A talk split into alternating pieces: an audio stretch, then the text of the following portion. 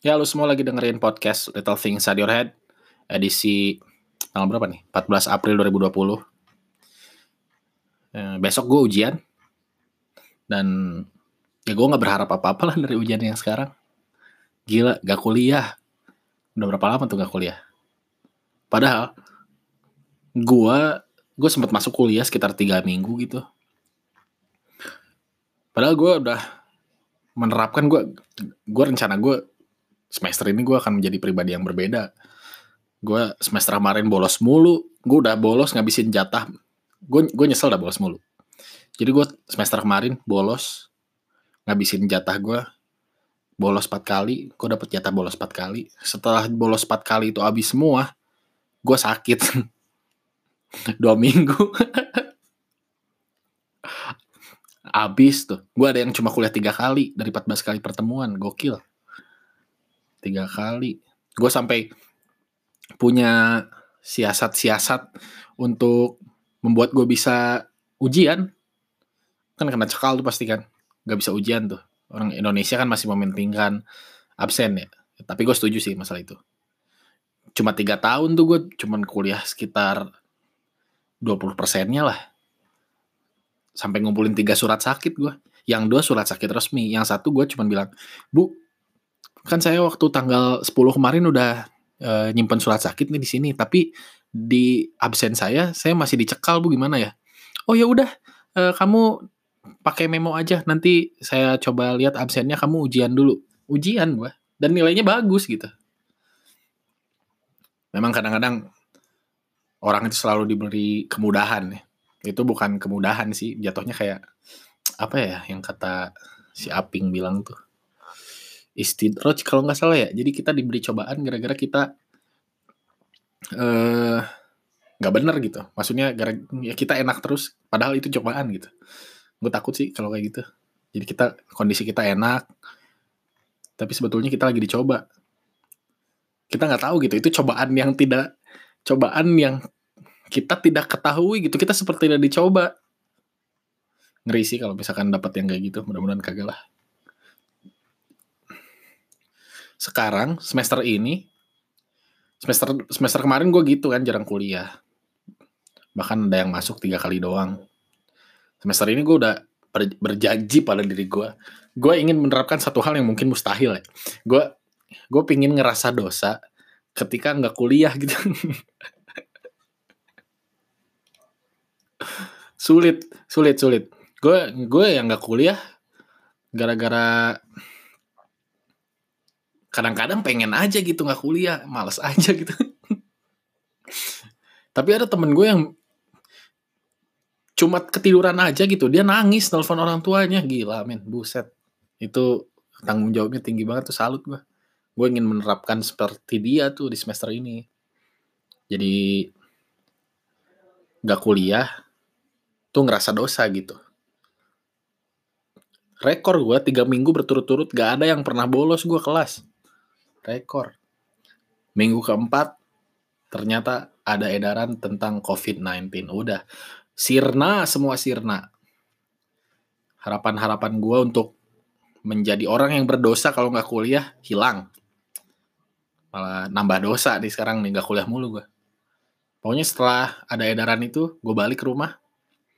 Eh, hal-hal yang berbau akademik, kuliah pagi gue lewat, kuliah siang lewat. Gue kayaknya cuma pernah tiga kali deh selama berarti sisanya berapa minggu? Tiga minggu kuliah cuma tiga kali, tiga kali kuliah. Dan kuliah juga uh, lewat video conference.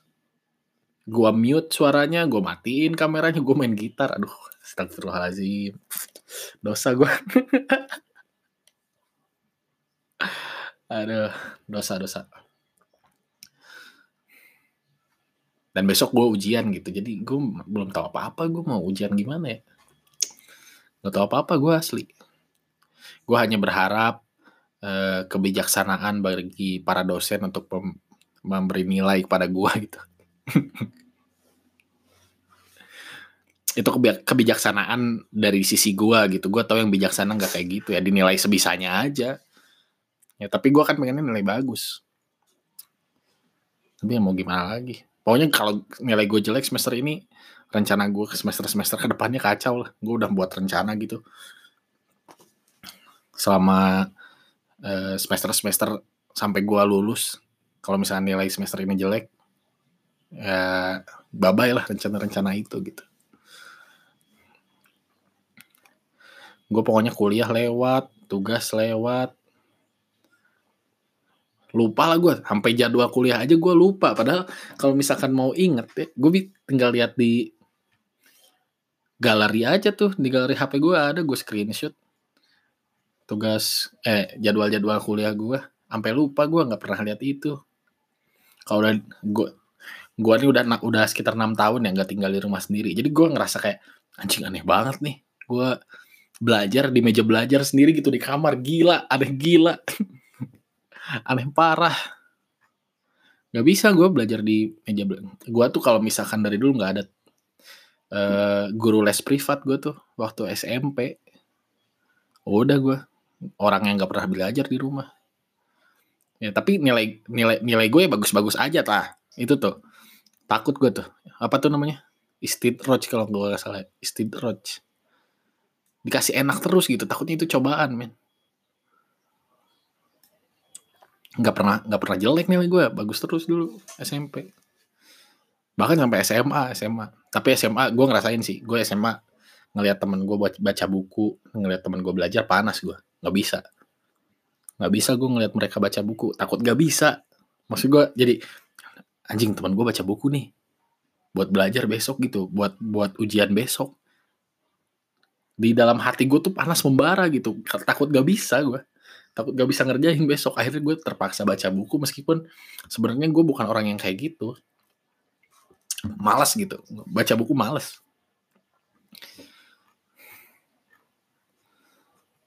besok ujian ya. Terus gue gue nggak tahu juga sih ujian online tuh kayak gimana bentuknya bakal pilihan ganda atau enggak. Sedangkan kan kuliah gue ngitung ya ngitung praktek dan lain-lain. Kalau pilihan ganda tetap harus ngitung juga. Waktu cuma 100 menit belum server down. Gue gue sih udah ada strategi gue udah ada strategi. Jadi setiap gue setiap gue ujian uh, gue lapor kalau misalkan sinyal gue bermasalah atau alat-alat gue yang bermasalah gitu. Jadi setiap ujian gue lapor gue foto harus difoto tuh buktinya. Gue foto gue kirim ke uh, pusat pengaduan. Gue kirim ke pusat pengaduan sehingga gue bisa ngulang lagi gitu. Seenggaknya kan gue tahu apa yang udah diujikan gitu. Jadi gue punya belajar dulu. Itu strategi gue sih. Silahkan kalau mau dipakai. Masih belum tahu apa-apa gue asli. Besok ujian. Ini mah kekuatan uh, Da Vinci Code aja kalau kata Panji. Kayak cuing cuing cuing cuing. Wow. Itu ada jawabannya tiba-tiba. Gue juga gue juga akan uh, mencoba menggunakan strategi video conference bersama teman-teman dengan tujuan bekerja sama. Mudah-mudahan berhasil. Gue gak, gue nggak biasa sih, gue tuh orang yang gak biasa nyontek, tapi untuk kali ini kayaknya itu hal yang terbaik.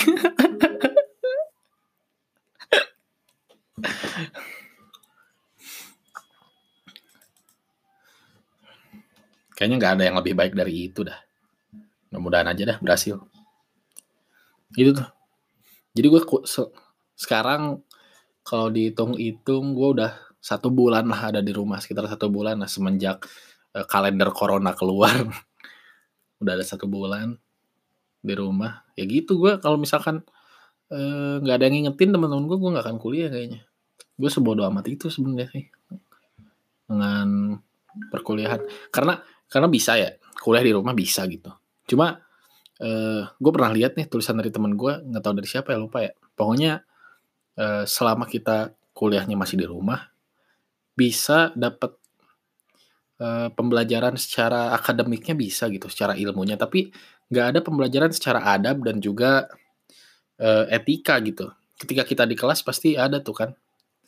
Seenggaknya kita nggak enak lah sama dosennya gitu main HP main HP aja gitu nggak enak gitu sama dosennya takut misalkan kelihatan atau gimana kalau misalnya di rumah kan gue main gitar sambil jungkir balik kan bebas jadi nggak ada tuh pelajaran adab dan etika kalau misalkan kita kuliah daring terus gini.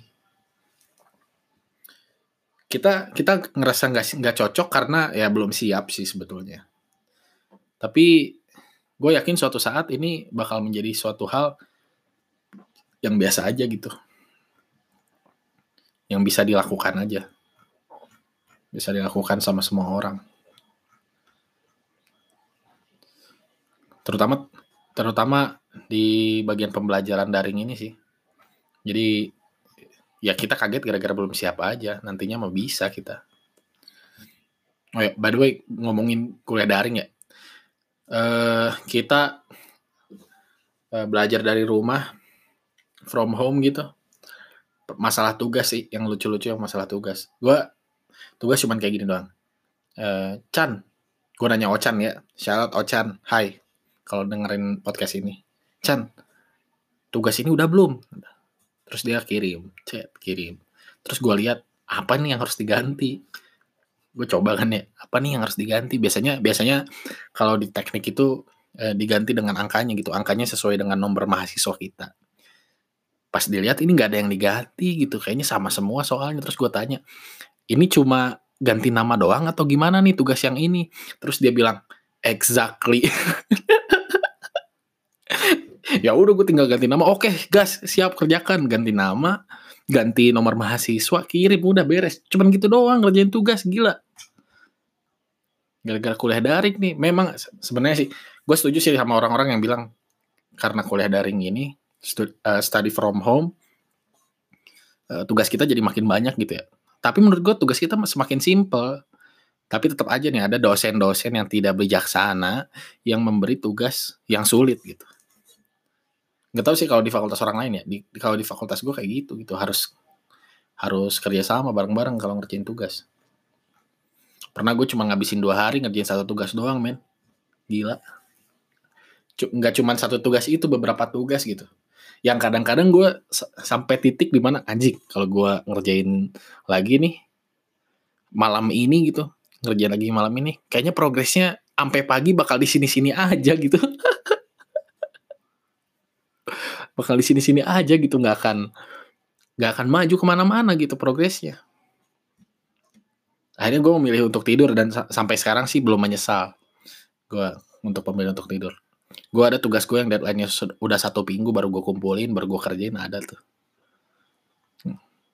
Ya gue punya asumsi yang penting dikerjain aja gitu. Orang-orang bakal tahu gitu gue tuh dalam keadaan yang sulit lah gitu.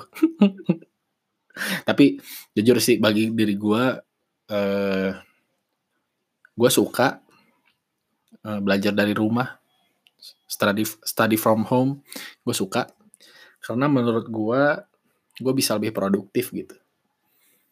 Tapi lebih produktif ini ke hal-hal yang gue suka aja sih sebenarnya. bukan ke kuliahnya gitu, bukan. Kuliahnya mah gue gue nggak pernah kuliah asli dari tiga minggu kuliah di rumah cuma tiga kali perasaan gue kuliah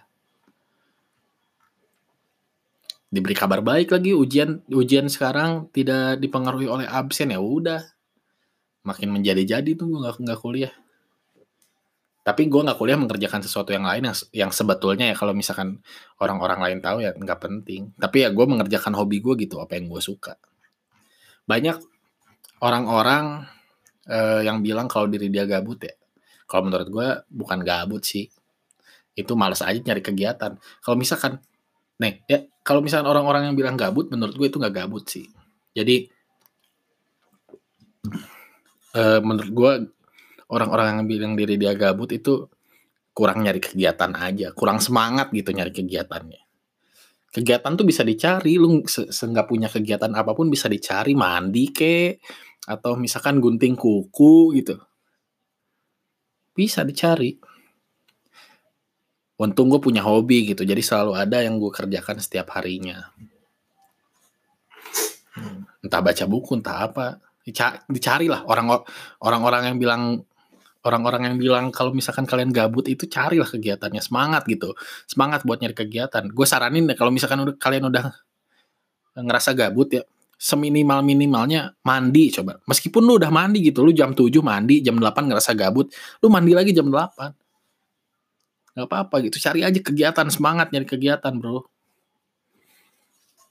kenapa gue saranin mandi karena yang mandi yang paling gampang lah buat dilakuin kalau misalkan lo udah ngerasa gabut tips ini berhasil ketika gue ngerasa eh nggak produktif. Misalkan sehari-harian itu gue tiduran mulu dan gue nggak enjoy gitu ya. Karena gue dapet nih dari temen gue Jeremy namanya.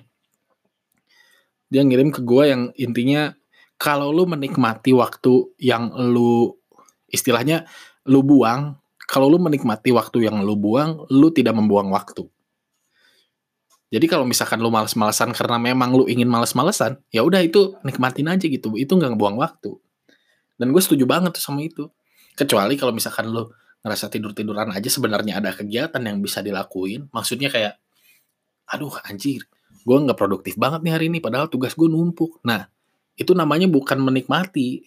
Ya itu buang-buang waktu aja gitu.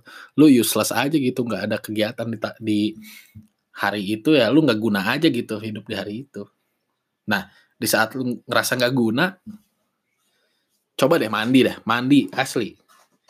Misalkan lu mandi terus tiduran tuh terus gue lalu ngerasa anjing kok gue tiduran sih? Gue nggak ngerjain tugas atau gue nggak mengerja kok gue nggak gawe sih? Gitu. Kenapa gue setidak produktif ini? Gitu. Cobain dah mandi lagi. Nggak apa-apa lu mandi jam 7 terus jam 8 gabut mandi lagi jam 7 nggak apa-apa tuh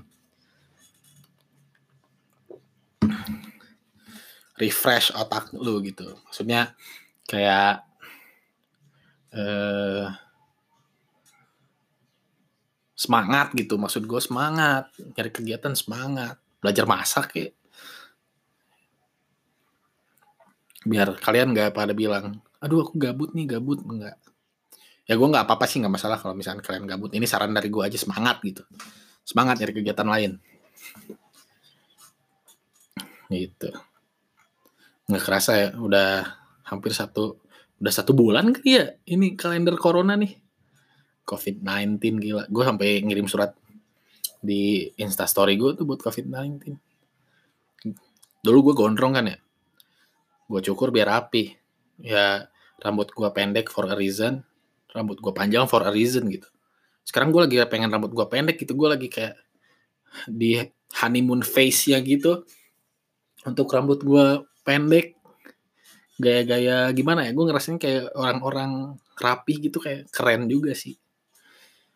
Tapi karena COVID-19 gue terpaksa harus panjang lagi bro menemukan jati diri gue nih. Gue ngerasa panjang itu jati diri gue cuma ya gue sekarang lagi pengen lagi pengen ganteng dulu lah gitu. Lagi pengen ganteng. Aduh HP gue bunyi. Lagi pengen ganteng dulu gak lagi kalau misalkan rambut gondrong gue gue gue nyadar sih waktu gue liat rambut gue gondrong gue kayak anjing gue kayak Tarsan gini anjing. Pokoknya kayak gue gede banget monster lah mirip monster. Setelah gue potong rambut kayak oh, lumayan juga ya gitu.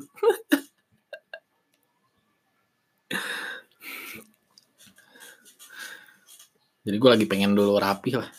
By the way gue sebulan di rumah banyak sih. Gue gue ngerasa badan gue makin bagus gitu. Meskipun olahraga gue minim setiap harinya mah badan gue makin bagus. Yang gue rasain itu badan gue makin keren gitu. Jadi men, me, mendekati saat dulu gue berada di masa kejayaan lah. jauh sih sebenarnya jauh ya. Ya cuma gue kangen masa meraih masa-masa kejayaan itu gitu saat badan gue bagus. Gila susah sekarang susah.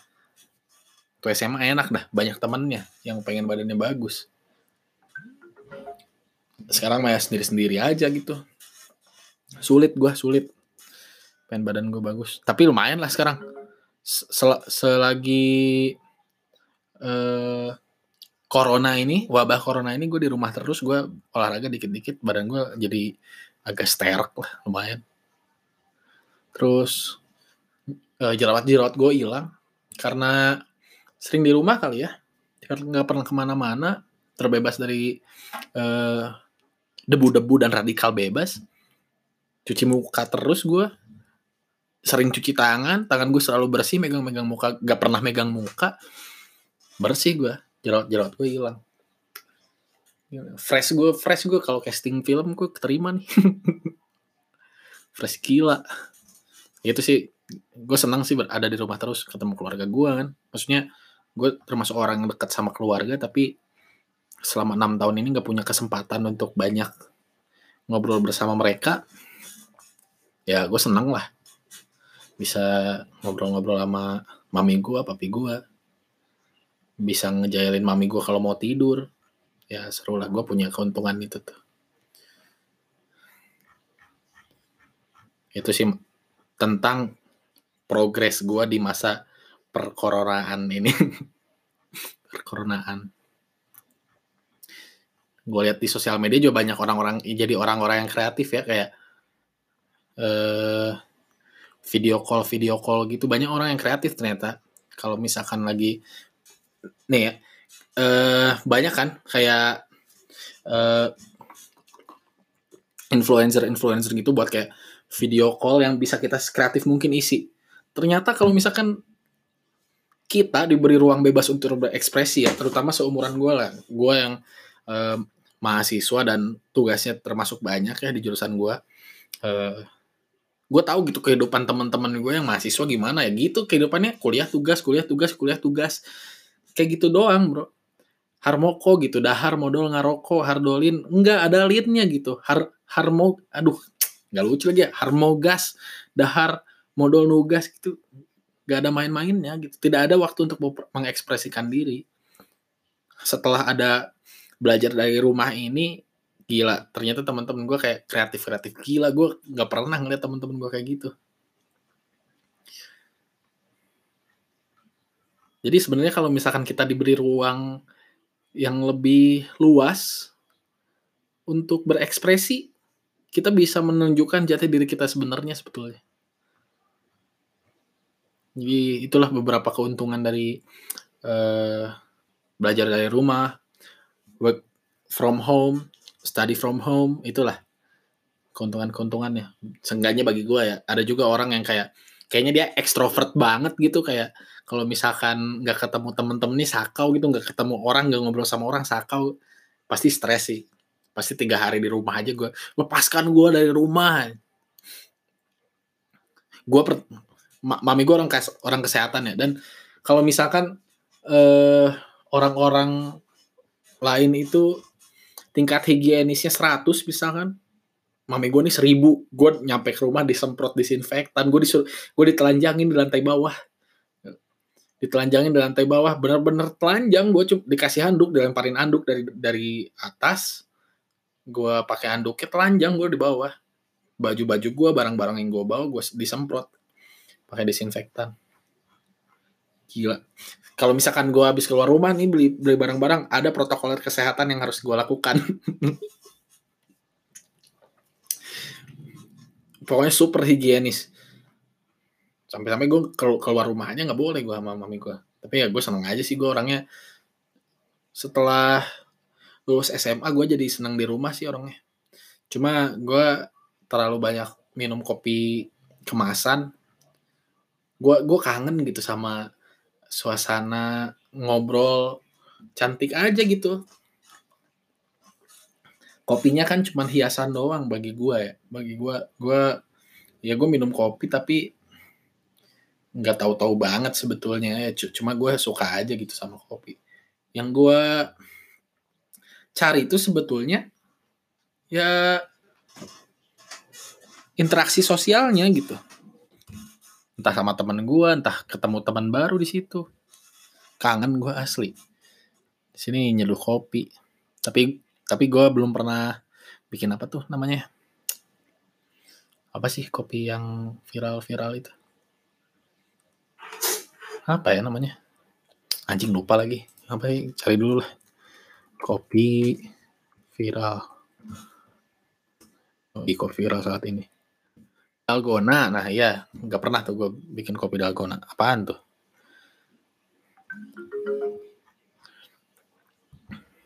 Kangen gue kangen kopi sama teman-teman gue tapi eh, selama gue di rumah gue sering ngobrol sama orang tua gue buka insight baru lah. Lu bagi bagi lu yang masih beruntung punya masih ada orang tua lu di rumah atau lu masih tinggal sama orang tua lu ajak ngobrol dah. Yang gue rasa ya selama ini selama uh, eh, gue hidup selama 20 21 tahun ini masih belum ada omongan orang tua gue yang gak bener. Maksudnya maksudnya gak bener misalkan lu kayak maksud gue omongan yang gak bener bukan kayak eh lu sana lu ngerampok lu bukan kayak gitu ya. Itu mah udah pasti gak bener itu orang goblok aja tahu. Maksud gue gak ada yang gimana ya cara ngomongnya? Pokoknya misalkan dia bilang kayak gini eh gimana ya? Oh ya gini misalkan eh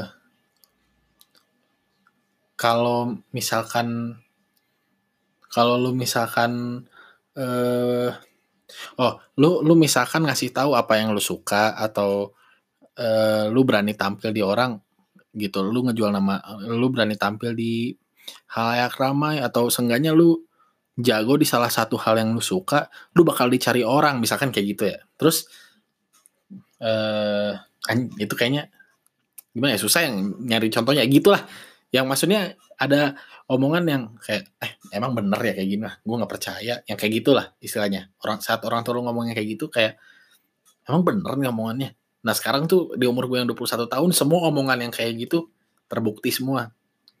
Ada satu yang belum pernah ada yang belum pernah terbukti satu hanya satu itu eh, gue masih nyari sekarang dan gue yakin itu bakal terbukti gitu.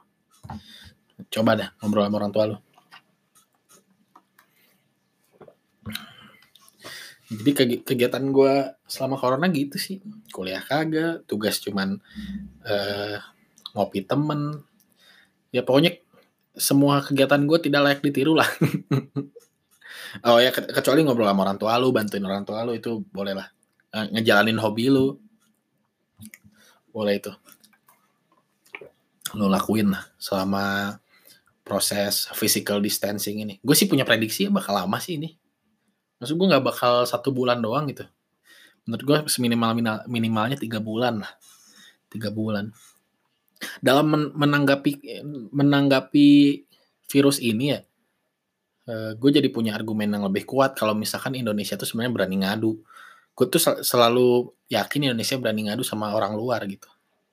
Kadang-kadang rasa itu kita kurang gitu. Kayak orang-orang ngelihat anjing Amerika keren, anjing Eropa keren. Bro, meskipun gue belum pernah ke Paris ya, gue banyak baca-baca tuh.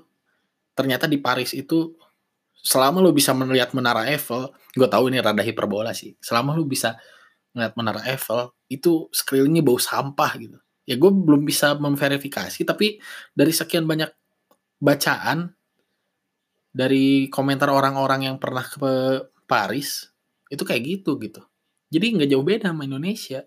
Ya contohnya sekarang lah gue corona nih, corona misalkan. Kita kan udah diterapkan apa sih namanya? PSBB ya. Pembatasan sosial berskala besar ya, bener itu. Bener bener gue yakin bener itu. Kayak orang-orang masih ngeyel keluar gitu. Kayak dari awal wacana physical distancing orang-orang masih ngeyel keluar. Ya lihat aja di orang-orang juga sama. Di Itali dia negara yang melampaui China bahkan asalnya. Virus itu berasal melampaui. Bahkan sekarang di US di Amerika Serikat itu paling banyak sekarang catatan yang terkena kasus coronanya gitu. Di negara yang seperti itu gitu. Orang-orang karena apa? Ya karena orang-orang yang nggak mau nurut juga gitu. Ya orang goblok di Indonesia ada orang goblok di Amerika juga ada gitu. Sama aja berani ngadu kita. Anjing gue kayak pinter aja ya berani ngadu. Jadi nggak usah minder lah sama negara lain. Uh, paling itu doang yang gue bisa update dari perkoronaan ini selama gue di rumah. Paling uh, berikutnya gue bakal ngomongin gue sering ngobrol sama orang tua gue di sini kan ya. Ada satu hal yang gue kira gue bisa bagi lah sama lu. Jadi ini sebetulnya kalau misalkan kejadian, kayaknya gue nggak bakal gaul sama lu dah. gak akan, gak oh pokoknya gue udah jadi high class lah. Kalau misalkan ini kejadian. Oke. Okay. Ya gue, gue bakal jadi high class gitu kalau misalkan hal ini kejadian. Jadi gue baru tahu kalau ternyata gue tuh dulu hampir jadi orang kaya men. Gila. Hampir jadi konglomerat gue kayak temen. Jadi gue jadi temannya Sandiaga Uno kayak gitu-gitu gue keluarga gue jadi sohib dekatnya keluarga Bakri yang kayak gitu-gitu tuh. Keluarga gue dulu. Hampir. Keluarga gue dulu gue hampir hampir seperti itu. Jadi uh, dulu semasa gue belum lahir tahun berapa berarti ya itu sekitar tahun 97 98 lah. Pokoknya pap papi gue lulus kuliah, lulus kuliah. Terus dia pikir gimana nih caranya gue harus dapat uang sebes sebesar sebesar besarnya dalam waktu yang cepat cepatnya gitu. Gue gue ngerti sih kayak gitu. Kenapa? Karena dia eh, berasal dari keluarga yang cukup miskin gitu. Kayak klasik banget gitu ya bapaknya miskin. Tapi bener dah. Kalau testimoni dari mami gue waktu mami gue main ke rumahnya itu keramiknya aja bolong-bolong gitu. Terus rumahnya udah mau runtuh gue nggak bisa bayangin sih kayak gimana. Karena emang sekarang rumahnya lumayan lah gitu. Dia dia bahagia lah. Dibahagiakan oleh anak-anaknya. Lumayan deh. Paling gue bisa bilang paling gede sih di rumahnya di ini. Di desanya gitu. Nah papi gue mikir kayak gitu dulu kayak gimana nih gue bisa jadi papi gue kuliah di UPI. Uh, sekarang jadi dosen di UPI. Uh, eh, bahasa Inggris. Kenapa papi gue pilih bahasa Inggris? Karena menurut dia, dia udah sadar dulu nah. Zaman dulu kan orang-orang belum sadar bahwa English itu money language gitu kayak belum tahu gitu bahasa Inggris itu bahasa uang gitu. Papi gue kayaknya udah nyadar dari dulu gitu kayak wah ini nih bahasa Inggris bahasa uang. Ya udah gue ambil bahasa Inggris supaya gue bisa cepet nyari duit gitu tujuannya. Karena keinginan dia untuk dapat duit tinggi akhirnya dia dapat kerjaan di beberapa uh, sekolah elit. Dia kan pendidikan ya jadi di sekolah elit gitu dia dapat dapat gue nggak tahu sih gue kalau yang pertama kali itu dia di dia bilang di Taruna Bakti kalau nggak salah. Di Taruna Bakti dia ngajar dengan gaji yang cukup besar. Lalu yang gue pelajari gini jadi uh, setelah di Taruna Bakti papi gue uh, ke daerah Banten. Dia ke daerah Banten ke Serang dia diajak ngajar sama temennya gitu. Diajak ngajar sama temennya dia belajar dia ngajar di situ. Ternyata di situ dia sering ikut seminar bisnis dan lain-lain. Dia bertemu dengan orang-orang hebat istilahnya orang-orang yang sepemikiran dengan dia dia bangun usaha waktu itu usaha istilahnya bimbingan belajar lah bimbingan belajar dan cukup sukses gitu, cukup sukses. Bahkan dia sebelum bikin usaha bimbingan belajar itu eh, gajinya sudah lebih besar dari PNS kalau sekarang golongan 3B lah. Kata papi gue dulu golongan 3B itu gajinya sekitar 350 perak. 350 perak bro, sekarang beli permen 3 aja nggak cukup. Satu juga belum tentu dikasih. 350 perak papi gue dulu gajinya waktu ngajar di Serang itu 550 perak. Jadi selisih 200. Hampir 100 persennya lah. Nah, eh, setelah itu dia ketemu dengan orang-orang yang sepemikiran sama dia. Habis itu dia bangun usaha bimbingan belajar. Nah, cukup maju, cukup maju. Eh, saat bimbingan belajarnya tuh, jadi partnernya dia ada bertiga kalau nggak salah. Jadi saat itu pembimbingan belajarnya salah satu partnernya tuh gak sejalan gitu sama dia. Maksudnya nakal lah gitu. Dia mempergunakan keuangan di bimbel itu dengan tidak baik. Akhirnya papi gue mundur. Nah di di samping papi gue mundur, papi gue diajak ngajar di lembaga lain di Cilegon. Lembaga lain di Cilegon. Ngajarlah papi gue di sana. Dengan gaji yang cukup besar juga gitu nggak jauh beda sama yang tadi. Uh, mungkin karena ngajarnya enak atau gimana ya? Karena ngajarnya enak atau misalkan uh, ngajarnya ya diminati sama teman-temannya terutama mengenai bisnis English. Jadi uh, papi gue ditawari untuk mengajar ke perusahaan-perusahaan model-model Krakatau Steel yang kayak gitu dong. Jadi Krakatau Steel tuh yang bagi yang belum tahu ya, Krakatau Steel tuh perusahaan besarnya. Nah di bawahnya itu ada banyak. Di bawahnya tuh ada banyak gitu. Ada banyak perusahaan-perusahaan anakan dia eh, yang menginduk kepada Krakatau Steel. Ada Krakatau apa gitu listrik gitu apalah. Krakatau kalau Krakatau Steel baja kan baja listrik. Hai. Jadi ada banyak gitu yang eh tadi by the way ada papi gue. Tuh. Kedengeran lo? Kedengeran nggak sama lo nyanyi? Ya, papi gue. Nah, jadi ada banyak eh perusahaan yang menginduk ke dia. Ada yang listrik, kalau nggak salah ya, ada listrik, terus ada Krakatau Steel yang baja, ada mungkin Krakatau PMP, gue nggak tahu ya, Krakatau Batagor ada tuh. Nah, papi gue ngajar di eh, perusahaan-perusahaan itu gitu. Dia dia gaulnya sama direkturnya yang kayak gitu gitulah, yang di mana saat dulu gajinya gaji eh, pegawai negeri sipil golongan 3B itu cuma 350. Nah, si direktur-direktur ini gajinya 350 juta. Gila. Nih, perbandingannya tuh udah kayak apa ya? Udah kayak got sama eh, sungai-sungai yang mengalir di surga, men. Perbandingannya udah segitu gitu 350 sama 350 juta gue aja harus sampai gue hitung dulu dah di kalkulator. Berapa ya perbandingannya? 350 tuh agak 4 6 dibagi 350 Duh sorry matematika gue jelek tapi gue belajar di tempat yang banyak itu hitungan. Gila satu juta kalinya oh ya 350 sama 350 juta. Satu juta kalinya men. Orang-orang direktur zaman dulu. Emang timpang sih tapi ya gue gua tahu dari obrolan papi gue ya gila aja gitu. Nah dia gaul sama orang-orang yang kayak gitu tuh. Bahkan dia dulu punya cita-cita dia beli rumah. Dia punya dia waktu itu masih pacaran sama mami gue atau udah nikah ya? Udah nikah ding udah nikah mami gue lagi hamil.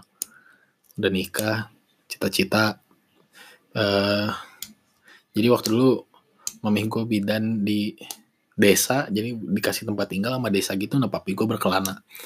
Nah dia punya cita-cita beli rumah dan dia hitung-hitung tuh dia sering dia sering ke pameran rumah nih.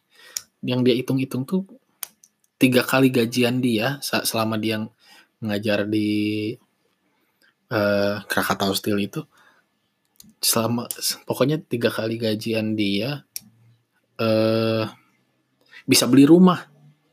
Gila. Sekarang aja gue gue gue iseng nih ya nelfon rumah di pinggir di eh perumahan biasa gitu. Di perumahan biasa gue telepon ini dijual gitu. Rumahnya emang lumayan rada bagus.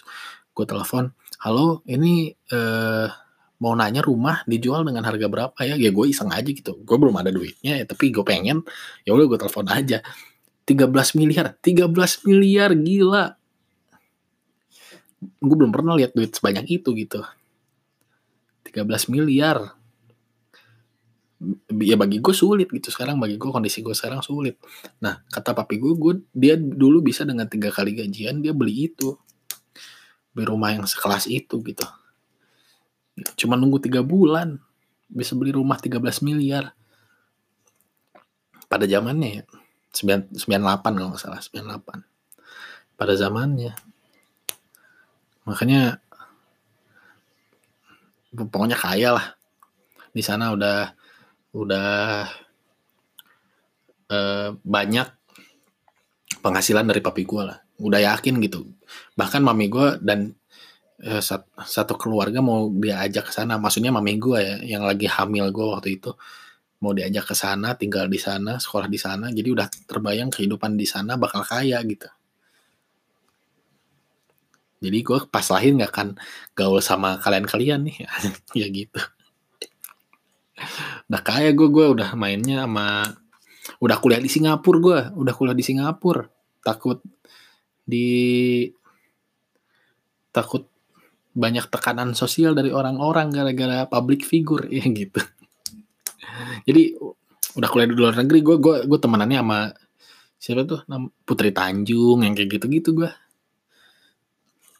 nyaris seperti itu gitu hampir kaya ada satu hal yang membuat papi gue gagal untuk maksudnya yang membuat keluarga gue gagal dan eh, maksudnya bukan gagal gimana bahasanya? Jadi satu hal itu yang membuat eh, papi gue gagal berkarir di sana gitu di daerah Banten pada waktu itu jadi tahun 98 seperti yang kita tahu itu krisis moneter. Krisis moneter. Gue pernah dengar eh, Sandiaga Uno, dia punya perusahaan di Singapura sampai nggak bisa membiayai perusahaannya gitu. Sampai tutup perusahaannya. Kebayang tuh krisisnya seperti apa. Krisisnya seperti apa. Nah yang gue takut dari corona, ini awalnya nih pembicaraan tentang corona nih. Gue gue bilang kayak eh, corona juga bisa mengundang krisis nih pada para pakar pakar-pakar ekonomi ya. Setahu gue yang gue baca itu memprediksi corona ini bakal eh, mempengaruhi perekonomian sampai bisa bangkit lagi itu baru tahun depan gitu. Sekarang orang-orang udah banyak di PHK, penghasilan menurun, THR aja nggak dikasih gila. THR aja harus ngitung-ngitung ngirit-ngirit gitu. Soalnya semua keuangan alokasinya untuk bantuan corona. Nah, krisis ini kan kemungkinan terjadi lagi. Akhirnya gue mencoba ngomongin ini nih krisis tentang ini ya. Ah, nyambung-nyambung dia tuh cerita. Nah, jadi dulu krisis moneter, akhirnya eh, semuanya jatuh miskin gitu. Sangat berat gitu. Krisis moneter tahun 98 sangat berat meskipun gue nggak tahu ya ini bercerita aja. Sangat berat sehingga waktu dulu kacau aja rencananya kacau rencana papi gue kacau nah lu bisa bayangin ya sih dulu kayak kalau sekarang kan transparansi keuangan enak ya kalau dulu tuh gue tanya papi gue nggak ada yang tahu gitu. Si krisis moneter itu akan datang ya. Mungkin beberapa orang tahu gitu cuman nggak berani mengkritisi. Karena zaman dulu zaman zamannya ada yang ngekritik pemerintahan besoknya hilang gitu. Gila serem. Kritik pemerintahan sedikit besoknya hilang. Kritik sedikit besoknya hilang. Makanya nggak ada yang kritik. Mungkin ada gitu beberapa orang yang tahu. Ya tapi sebagian besar orang nggak tahu gitu. Jadi kalau gue ngebayangin ya zaman dulu itu secara finansial enak cuman secara kebebasan berpendapat itu nggak enak gitu. Nah secara finansial papi gue kaya. Nah waktu itu bisa bayangin sih orang-orang tuh merasa diri dia kaya ketika krisis moneter jebret jadi miskin auto miskin. Semua orang jadi miskin yang miskin gimana gitu? Pokoknya semua orang jadi miskin semua perusahaan kayak istilahnya eh, ya perusahaan-perusahaan yang masih bertahan itu yang punya apa ya bahasanya istilahnya perusahaan-perusahaan yang masih bertahan itu yang kalau asetnya dijual semuanya impas gitu hutang dia nggak ada aset dia nggak ada ya impas. Nah, perusahaan-perusahaan yang memiliki nilai seperti itu yang masih bertahan. Nah, papi gue waktu itu kena dampak itu gitu. Nggak berhenti, gue nggak nanya sih berhenti atau enggak. Nah, tapi salah satu faktor yang lain itu papi gue sakit. Hampir mati papi gue. Nama, makanya nama gue Muhammad Syam Fortuna. Fortuna kan keberuntungan. Nah, keberuntungan itu kan maksud keberuntungan dari papi gue maksudnya beruntung gitu gue tuh membawa keberuntungan bagi papi gue yang dulu mau mati gitu mau mati dia berobat pokoknya e, duitnya kekuras lah di situ duitnya kekuras sakitnya juga karena kecerobohan sendiri sih jadi dia ngajar di perusahaan kan Krakatau Steel banyak tuh tadi perusahaan satu terus pindah ke perusahaan yang kedua pindah ke perusahaan yang ketiga ngajar eh, istilahnya bahasa Inggris untuk bisnis lah. English for business gitu. Jadi dia ngajar. Nah, setiap ngajar itu ditawarin gorengan, gorengan. Yang gue rasa kalau misalkan lu makan bala-bala ya, namanya bala-bala ya, bukan bakwan, sorry no debat. Kalau misalkan lu makan bala-bala, ya dua aja kayak mengembang gitu di perut lu kenyang. Nah, papi gue ngerasain kayak gitu. Jadi di setiap perusahaan di dikasih makan gorengan, tapi sebetulnya dia lupa gitu. Dia tuh nggak pernah makan. Akhirnya dia sakit tipes waktu dulu mau mati. Papi gue mau tewas. hampir nggak punya bapak gue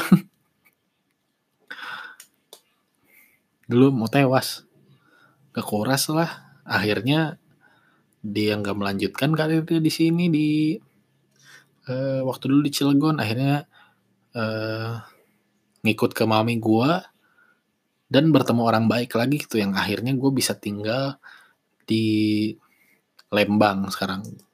Lembang. Jadi dulu itu kisahnya gue hampir kaya. Hampir kaya jadi konglomerat temenan nama Putri Tanjung gue hampir melihat melihat papi gue yang sekarang ya. Jadi kalau misalkan dulu melanjut kayaknya kaya gue fix gue. Kaya. Kuliah di Singapura gue. Asli. Me menghindari tekanan-tekanan sosial karena gue anak orang kaya. Asli. Hampir tuh gue. Namun ya jadi eh, apa yang bisa kita pelajari dari sini asik. Moral value moral value. Jadi kalau kita dengar cerita yang tadi ya ini gue nggak nggak ada papi gue benar cerita. Jadi kalau misalkan eh, kita nemu kesempatan nih pertama nih ya yang gua, yang dari diri gue sendiri. Gue terbuka pikiran bahwa kita tuh harus punya skill yang memang kita asah sehingga skill itu jadi tajam gitu. Makanya gue pernah dengar orang bilang jangan takut sama gue denger dari siapa dari dari dari siapa yang gue denger ya pokoknya kayak gini jadi jangan takut sama orang yang punya seribu jurus tapi latihannya setengah-setengah. Tapi takut sama orang yang punya satu jurus tapi jurus itu ampuh gitu. Semua orang kalah sama jurus itu. Dia udah jago banget jurus itu. Nah takut yang kayak gitu. Nah maksud gue gitu. Jadi coba uh, kita harus punya tuh salah satu skill atau salah satu hal yang dari diri kita mau jual dan ya jurus diri kita gitu dan itu gitu yang dilatih terus menerus fokus gitu fokus satu hal itu yang kalian latih, kalian fokuskan. Itu pertama. Nah, setelah kita punya skill itu, ketika ada kesempatan, ambil kesempatan itu gitu. Ambil kesempatan itu karena seperti kata pepatah asik. Kesempatan tuh nggak datang dua kali ya anjir. Meskipun gue nggak terlalu percaya sih hal itu. Tapi ya benar gitu. Sel selagi uh, selagi ada kesempatan lu ambil lu ambil kesempatan itu lu yakin lu bisa ambil kesempatan itu ya kayak papi gue, gue papi gue diajak ke Banten kan nggak tahu tuh dari siapa dari temennya kalau nggak salah diajak dia melihat opportunity itu dia terima dia ngajar di sana bikin lembaga bimbel yang zaman dulu belum ada tuh model-model. Ganesha Operation yang kayak gitu-gitu menurut gue belum ada ya gue nggak tahu. Gak ada saingan dulu jadi jadi itu dulu tuh hal yang sangat revolusioner gitu. Gak ada saingan. Dia dia bisa dia bisa melihat kesempatan itu gitu. Ketika dia lihat kesempatan itu dia ambil. Kayak gitu jadi pertama asah diurus lu kedua ambil kesempatan kalau misalkan ada nah, yang ketiga konsisten yang ketiga konsisten Nah lah, gue nggak bisa lagi ngejelasinnya gimana. Eh, konsisten aja pokoknya. Yang keempat itu eh, dan yang paling penting menurut gue jaga kesehatan loh. Karena papi gue bisa eh, gagal dari karirnya yang di sana kan gara-gara kesehatan kan. Gitu. Dan yang kelima, rada religius nih.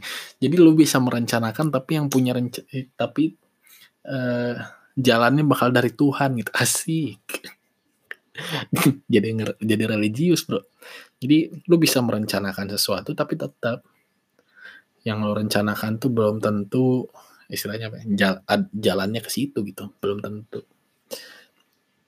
ya tapi di, di luar itu gue sekarang tinggal di Lembang sejahtera bahagia lah keluarga gue bahagia gue berada di keluarga yang menurut gue berkecukupan jadi nggak kaya tapi cukup lah.